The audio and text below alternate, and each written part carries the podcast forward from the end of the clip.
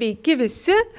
Info COVID podcastų žiūrėtojai, klausytojai. Ir mes šiandieną pakalbėsime apie labai kontroversišką ir vis daugiau nerimo keliančią temą. Tai yra netikros falsifikuotos COVID 19 vakcinos. Apie tai pakalbėsime su Simona Stankevičiūtė, kur yra Lietuvos sveikatos mokslo universiteto, Kauno klinikų klinikinė farmakologė ir Europos medicinos agentūros klinikinė ekspertė. Sveiki, Simona. Labai Labą ačiū, dieną. kad sutikote pakalbėti.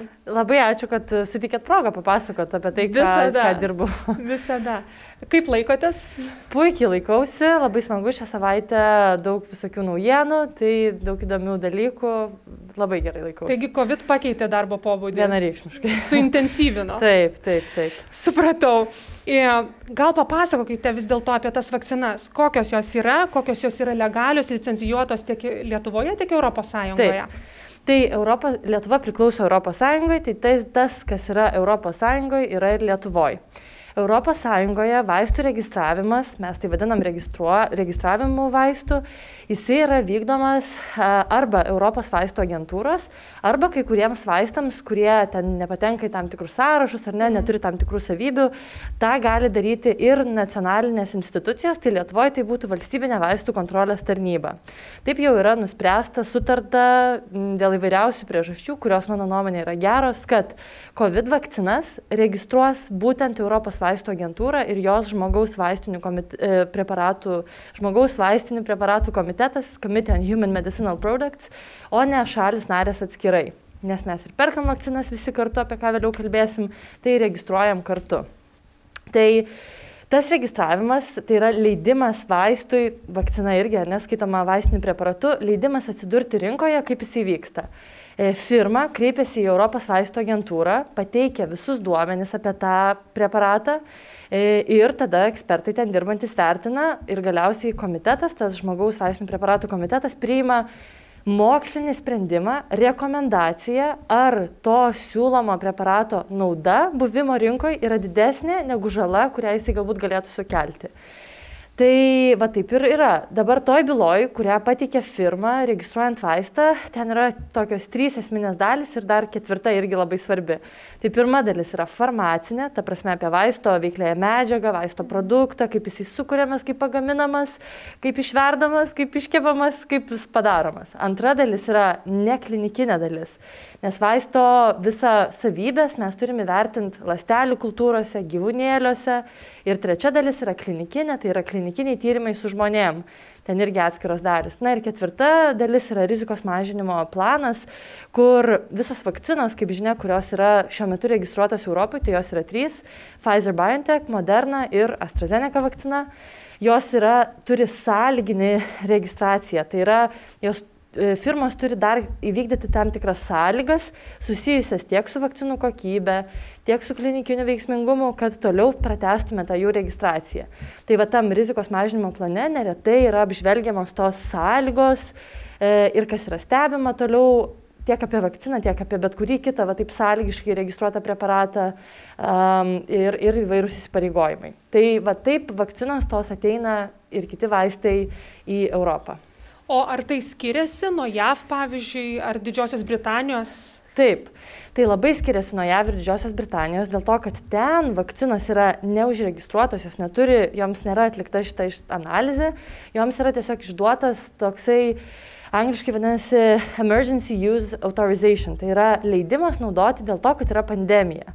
Ir galbūt paprastam žmogui aš labai viliuosi, kad niekada ir nereikės pamatyti tų skirtumų, dėl to, kad jie turbūt labiausiai yra teisinė prasme svarbus, ar ne? Mhm. Nes, pavyzdžiui, kai EMA registravo šitas vakcinas, tai visi sprendimai, kurie buvo parašyti, visi Uh, nežinau, sakiniai ten vertinimo protokolė, SMPC, jie yra tokie patys kaip ir bet kuriam kitam vaistui, kuris ne ekstremalios situacijos sąlygom yra registruojamas. Tuo tarpu, kai yra tas leidimas naudoti išduodamas va tokiom aplinkybėm, kaip tarkim valstijose arba jungtiniai karalystiai, na, to nėra atliekama ir tada to, tokie čia teisiniai dalykai labiau svarbus yra, bet ta analizė tikrai skiriasi Europos ir kitų šalių. Atliekama. Taigi, kiek suprantu, ta vakcina vis dėlto į rinką neatėjo iš vakar padaryta, babutės išvirta. Oi, tikrai ne, tikrai ne. Tai ta prasme, su šitom vakcinom, e, tiek tom uh, informacinės RNR vakcinom, tiek su AstraZeneca vakcina, su jom yra dirbama dešimtis metų. Tai mokslininkai tiesiog tyrinėja tos virusus, mes apie juos negirdėjom. Yra toksai, tarkim, vienas virusologų podcastas, kuris ten anksčiau šimtas žmonių jo klausė, dabar šimtas tūkstančių. Tai tiesiog tie visi žmonės ilgai, nusekliai dirbo kūrė vakcinas kitiem koronavirusam, ne tik šitas yra, ar ne, yra daug kitų koronavirusų rušių. E, tai jie dirbo, ruošėsi tam ir dabar įvyko pandemija ir visi supuolė padėti pasauliui. Tai mes gyvenam tiesiog laimingojame laikotarpyje, kada mokslas jau yra tiek pažengęs, kad per metus gali sukurti šitiek rušių vakcinų. Tai... Taip, tikrai, aš irgi manau, kad tai yra nu, tiesiog nuostabi Taip. mokslinė naujovė ir mokslinis pajėgumas taip. apskritai, kad ir mes Lietuvoje netgi būdami, taip, taip. galime ir mėgautis ir tom vakcinom ir galime į tą rinką patekti. Taip. E, o kaip, gal galit papasakoti, kaip vis dėlto organizuojama ta būtent vakcinų tiekimo grandinė. Čia dabar daug diskusijų įvyko irgi dėl pačių, pavyzdžiui, pristatymo į ligoninės, taip, išvežiojimų ir taip toliau, bet kaip jinai vyksta nuo pat, pavyzdžiui, patvirtinimo iki jau mūsų, sakykime, ligoninės. O, geras klausimas. Tai kai, kai, yra, mm, kai tas žmogaus vaistinių preparatų komitetas priima rekomendaciją registruoti, pasiūlyti, kad jau ta vakcina būtų užregistruota, tada galutinį sprendimą pasako Europos komisija ir įtraukia tada tą preparatą į vaistinių preparatų registrą.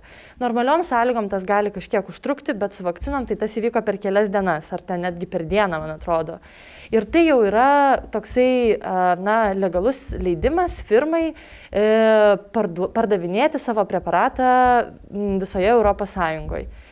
Vakcinų šitų, kurias mes turime, jų niekur negalima įsigyti, dėl to, kad jau paraleliai su registravimu Europos komisija e, kur e, turėjo darbo grupę, toje darbo grupėje dalyvavo atstovai iš visų šalių narių ir ta darbo grupė dėrėjosi su vakcinų gamintojais, pasirašinėjo iš ankstinės sutartis, kad tą akimirką, kai vakcina bus išregistruota, e, tarkim, ten iš kažkokio fabriko pajudės sunkvežimiai su vakcinos buteliukais, flakonais, ar ne? Mhm. Tai, vat, e, tai ta vakcinos grandinė taip ir vyksta, kai yra jau duod, kitiem vaistam yra kitaip, kurie nėra šitos prašmatinės vakcinos, bet uh, vakcinom yra taip, kai jau yra na, paskelbiama, kad viskas preparatas yra registruotas, pagal tos sutarties sąlygas jos atkeliauja į šalį. Uh, bet kurią Lietuvą, ten Estiją ar kažkuria kitą. E, kas yra svarbu, kalbant apie vakcinos gabenimą, kad tos vakcinos turi būti, tarkim, Pfizer BioNTech vakcina turi būti gabenama minus 70 laipsnių temperatūroje, ar ne, ten turi būti užtikrinama šalčio grandinė. Modernai šiek tiek žemesnės temperatūros užtenka ir taip toliau. Tai vat, e, yra logistinis iššūkis, taip, Lietuvoje buvo daug tų iššūkių, tada į Lietuvą vakcinos, kai atvažiuoja, jos važiuoja į ekstremalių sveikatai situacijų centro sandėlį, kuriame yra visi šalituvai palikti, visi galėjom pamatyti juos internete nuotraukas ar ne. Ir ten dirbanti komanda žmonių tam SSC sandėlį priima tas vakcinas. Na ir toliau vyksta kitas paskirstimas. Jei vežam į ligoninę, Kaune į Kauno centrinį paštą, ar ne, ir e, tada jau vakcina iš buteliukų į rankas keliauja žmonėms. Tai suprantu, kad necentralizuotai kol kas įsigyti Tikrai ne, niekur pasaulyje tos vakcinos necentralizuotai įsigyti negalima. Tai Europai tai vienareikšmiškai šitas vakcinas gauna valstybė į savo numatytą sandėlį. Ir, ir apskaita yra labai griežta daroma jų, jūs žinot, kad tie, nu jūs tai gal žinot, bet kas mus žiūrit, turbūt nežino, kad buteliukai, kurie yra panaudoti, jie yra surenkami ir jie yra suskaičiuojami atgal ir ten padedami kažkur į saugią vietą. Žodžiu, tai tikrai jos niekur negalima įsigyti kitur. Tarkim, Junktinėse Amerikos valstijose tai truputį kitaip vyksta, ten ta, e, žodžiu, poliklinika, tarkim, kažkokia arba gydymo ligoninė e, turi irgi užsiregistruoti, tada gauna siuntą tų vakcinų, skiepija, bet lygiai taip pat jos nuėjęs į vaistinę tikrai nenusipirksi. Šita vakcina pasiekia visus pacientus, visus net ne pacientus, dar tiesiog sveikus žmonės tik centralizuotai. Tai e, Lietuvoje yra jau kuriamos sistemos, kur reikės žmonėms registruotis ir tada jam paskambins šeimos gydytojas ir pasakys, kad jūsų eilė atėjo, ar skiepysitės, žmogus tikiuosi sakys taip ir tada jis eis į paskirtą vietą ir gaus savo vakciną. Tai tikrai niekur jų nenusipirksiu. Kodėl aš klausiu, ne? Dėl to, dėl to, kad vis daugiau pasirodo ir Facebook'e dalinasi, sakykime, tokiamis žinutėmis ir dabar skaičiau naują straipsnį apie tai, kad netgi dalinasi e-mailais, kad kviečia, kad gali parduoti vakcinas, mhm. būtent ir skambina, ir SMS-ais gali, galbūt dar ne Lietuvoje, tačiau e, ar jums jau žinomas toks faktas Lietuvoje, ar yra kažkokiu apraiškų to? Tai, kaip pasakyti, kai, kai jūs pasakėt, kad reikia pasikalbėti apie šitą temą, tai aš galvoju, nu galim kalbėti, bet man tai čia atrodo neaktualu, nes taigi, mes lietuviai esam protingi žmonės. Ir vakar vakare, kol, kas vyksta Kaune, parašė straipsnį, kad tikrai lietuviškam, žodžiu, Facebook'e reklamuoja, kad man čia teta iš Amerikos atsiuntė flakoną. Tai pasirodo vyksta. Tai e, ta flakono nuotraukėlė, mes ją visi matėme, ne su violetiniu kamštuku Pfizer BioNTech, pavyzdžiui, vakcinos. Tai aišku, žmonės, na, sukčiai, tai yra sukčių darbas ir ta prasme žmonės yra kūrybiški, jie gali padaryti tą flakoną ir apsimetinėti, kad jį pardavinėja. Tai pasirodo ir Lietuvoje tas vyksta. Ten Bet na, nereikia to tikėti, nes tai yra tiesiog apgavystė. Nei e-mailų, nei per Facebooką, nei nuvažiavęs į slaptą vietą ten kažkur prie miško šitos vakcinos nenusipirksi. Tai yra tiesiog e, nedarų žmonių bandymas pasipelnyti. Galbūt ir tuos žmonės kažkas suklaidino, nes aš, pavyzdžiui, tam straipsnį, kur aš skaičiau, tai ten istorija maždaug man teta atsiuntė e, šitos vakcinos flakonų. Tai yra netiesa. Tam, kad ta vakcina, nu, tarkim, ten buvo ta pirmoji Pfizerio vakcina, tai tam, kad jinai būtų būtų e, veiksminga, jinai turėjo būti susta šaltam lede, minus 70 laipsnių temperatūrai, tai jokia muitinė jos nepraleistų. Nu, tai yra tiesiog su realybė nesuderinama. Tai man smagu, kad žmonės nori skiepytis, bet reikia sulaukti savo eilės. Na taip. O dabar gal bent numanote, kas galėtų būti tokiuose vat, e, fake arba jo. tiksliau netikrose vakcinose, mm. kas ten gali, nes Jo, mes su kolegom diskutavom apie šitą klausimą. Tai Geriausiu atveju, geriausiu atveju ten yra tiesiog injekcinis vanduo, natrio chloridas, mhm. niekas, ne, nu, placebas, ne, nesvarbu. Blogiausiu atveju ten gali būti bet kas, ten gali būti dėta kažkokių, čia fantazuoju, bet gali, okay. pavyzdžiui, koks nors gudročius sugalvoti dėti kažką, kad sukeltų tą imuninę atsaką, ne, nes visigi žinom, kad po antros dozės biški šaltkrečio būna, uh, Tai blogiausiu atveju ten gali būti kita vakcina, netikrai įdėta, dar mm. nei, neįtikėtinų dalykų ten gali būti. Geriausiu atveju ten yra tiesiog injekcinis sterilus vanduo, o blogiausiu atveju gali būti labai blogi dalykai. Bet gali būti ir pašalinių, taip? O tai vienareikšmiškai. Ne, nežinau, nenoriu pasiūlyti minčių. Ta prasme patys baisiausi. Taip, tai iš ežero vandens gali pasemti ir Na, tada taip, mes padarome. Sterilumas. Taip, taip, taip. Tai, tai sakau, tikrai, arba gali, pavyzdžiui, būti ten kokia nors, tarkim, uh, nežinau, veterinarinė vakcina paimta, neužklijuota kitokia etiketė, nu ir suleis žmogui. Tai, tai va čia visokių galima prisigalvo dalykų. Taip, taip bet būtent, kas gali būti. Taip. Manau, kad pagrindinis yra dalykas, kad žinoti, kad centralizuotai, kad šeimos gydytojas gali informuoti, taip, kai ateis eilė. Taip, arba taip. šiuo metu medikai, sakykime, taip. kiti skiepėjami. Taip. O gal yra kažkokių būdų, kaip galėtų apsisaugoti piliečiai, gal yra kažkokių skiriamųjų bruožų, jeigu dar jie ne, ne, nes, neįsitikinę, kad centralizuotai. Jo, taip, taip, taip svarbiausias skiriamasis bruožas. Jeigu jum, jūs gavote žinutę, kad atėjo eilė skiepytis, ten perveskit 50 eurų, tai jau reikia suprasti, kad tai yra melas, nes vakcinacija yra nemokama. Visi žmonės bus paskiepyti šitą vakciną neapmokamai. Ta prasme, nereikės patiem, pačiam pirkti ir pačiam mokėti pinigų. Jeigu jūsų šeimos gydytoja jums anksčiau nėra siuntusi žinučių SMS, e-mailų arba siuntė juos iš kito numerio, tai irgi sunerimkit, nes čia turbūt galbūt kažkas yra ne taip. Jeigu skambina kažkoks žmogus ir prisistato, kad yra iš jūsų poliklinikos ir irgi prašo kažkokį pavedimą atlikti ar panašiai, tai irgi netikėkit. Taip, mes esam Kaune ar ne, tai taip. Kaune reikia žinoti, kad yra kol kas viena vieta, kur bus masinis skiepijimas, tai yra Kauno centrinis paštas. Jeigu jums liepia ateiti kažkur kitur ir sako, ateikit va čia į kažkokią gatvę X būtą, pasimkit savo dozę, netiesa, taip nebus. Nežinau, kitose miestuose irgi turbūt yra paskirta viena vieta, kur vyks tas visas skiepijimas. Toliau, na ir svarbiausia, e, sveikatos apsaugos ministerija, man atrodo, šį savaitgalį jau pasidalino tokiu gražiu grafiku, kada kieno eilė ateina. Tai jeigu jūs užmetėte akį tą grafiką ir matot, kad jūsų eilė yra ten gegužė, o dabar yra vasario trečia diena, tai gal jūs pagalvokit, kad čia jau per daug jums pasisekė ir paskambinkit savo šeimos gydytojui paklausti, ar Va, tikrai. Būtent, šeimos gydytojas. Taip, taip, dėl, taip. Jeigu kažkokie klausimai, tai šeimos gydytojas geriausiai. Taip, arba taip būtent, a, arba tikrai pavyzdžiui, jums paskambina ir sako, atvažiuokit skiepytis. Tai tada jūs padėkit ragelį ir perskambinkit šeimos Taip, gydytojui ir taip, tikrai, pasitikslinkit, ar tikrai. tikrai. Ir tada viskas bus aišku. O gal yra kažkokių ar tinklapis, ar priemonių, kaip pranešti, jeigu pamato piliečiai. Vienareikšmiškai vvkt.lt ir galima ten yra nemokama linija, ten apie nepagidaujamas reakcijas yra, bet aš manau, kad tiesiog praneškite ir mes, na tai yra labai svarbu. Tiek galima... ir Facebook'o postus, taip. Jo, galima. ir, ir Facebook'o postus raportuoti, ir, man atrodo, ir policijai galima pranešti, ir galima, na tiesiog man gali prašyti. Bet būtinai, ir ypač, pavyzdžiui, jeigu Facebook'e matot postą, kad reklamuoja tokį dalyką, tai darykit print screeną ir per VVKT Facebook'ą atsiųskite mums šitą informaciją, raportuokit tokį postą.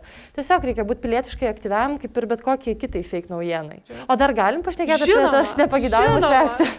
Man atrodo, dar labai svarbu yra pasakyti, kad kadangi mes nežinom sudėties tos netikros vakcinos, Taip. tai pavyzdžiui, gali žmogui atrodyti, nu tai gal čia suleis ir nieko neatsitiks, bet jeigu ten prisėmė iš Kauno Marių vandens ir suleido į ranką, tai ten gali išsivystyti pulinys, iš pulinio gali būti infekcija. O jeigu, pavyzdžiui, paimsim ir paskėpysim kokį vaiką, Taip, arba taip. kokį senuką, kuris turi blogą imuninę atsaką, tai mes jam galim sepsį išprovokuoti ir taip toliau. Tai dėl to Vien tik tai dėl to, kad mes, nes tų legalių vakcinų sudėtis yra ištyrinėjama iki paskutinio mililitro, ar ne, ir ten bet kokia nelaimė, ją labai jautriai reaguojama, menkiausias nukrypimas nuo e, kūrimo technologijos yra netoleruojamas, apie viską firma turi pranešti, o čia mes nežinom kas, nežinom ką.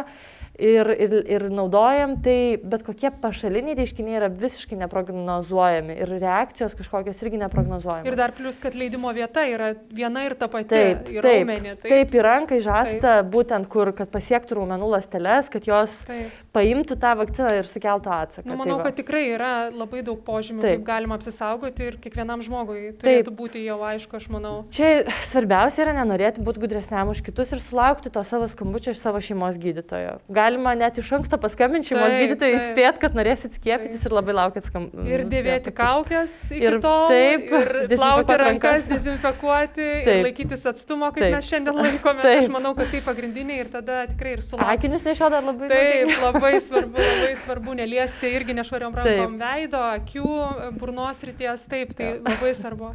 Taip. Tai Tai tikriausia, tai, taip, tai Simona tikrai, tikriausia gal jau viską išnagrinėjom. Taip, manau, kad tai. Trumpai ir aiškiai, labai ačiū Jums, kad atėjote, kad tikrai labai šitokia tema, kontroversiška kartais ir tikrai manau, kad tų žinučių reikia, reikia paskleisti daugiau. Tai tikrai ačiū ir tikiuosi, kad Prašau. susitiksime. dar. Tikiuosi aš irgi. Dėkui labai. Iki.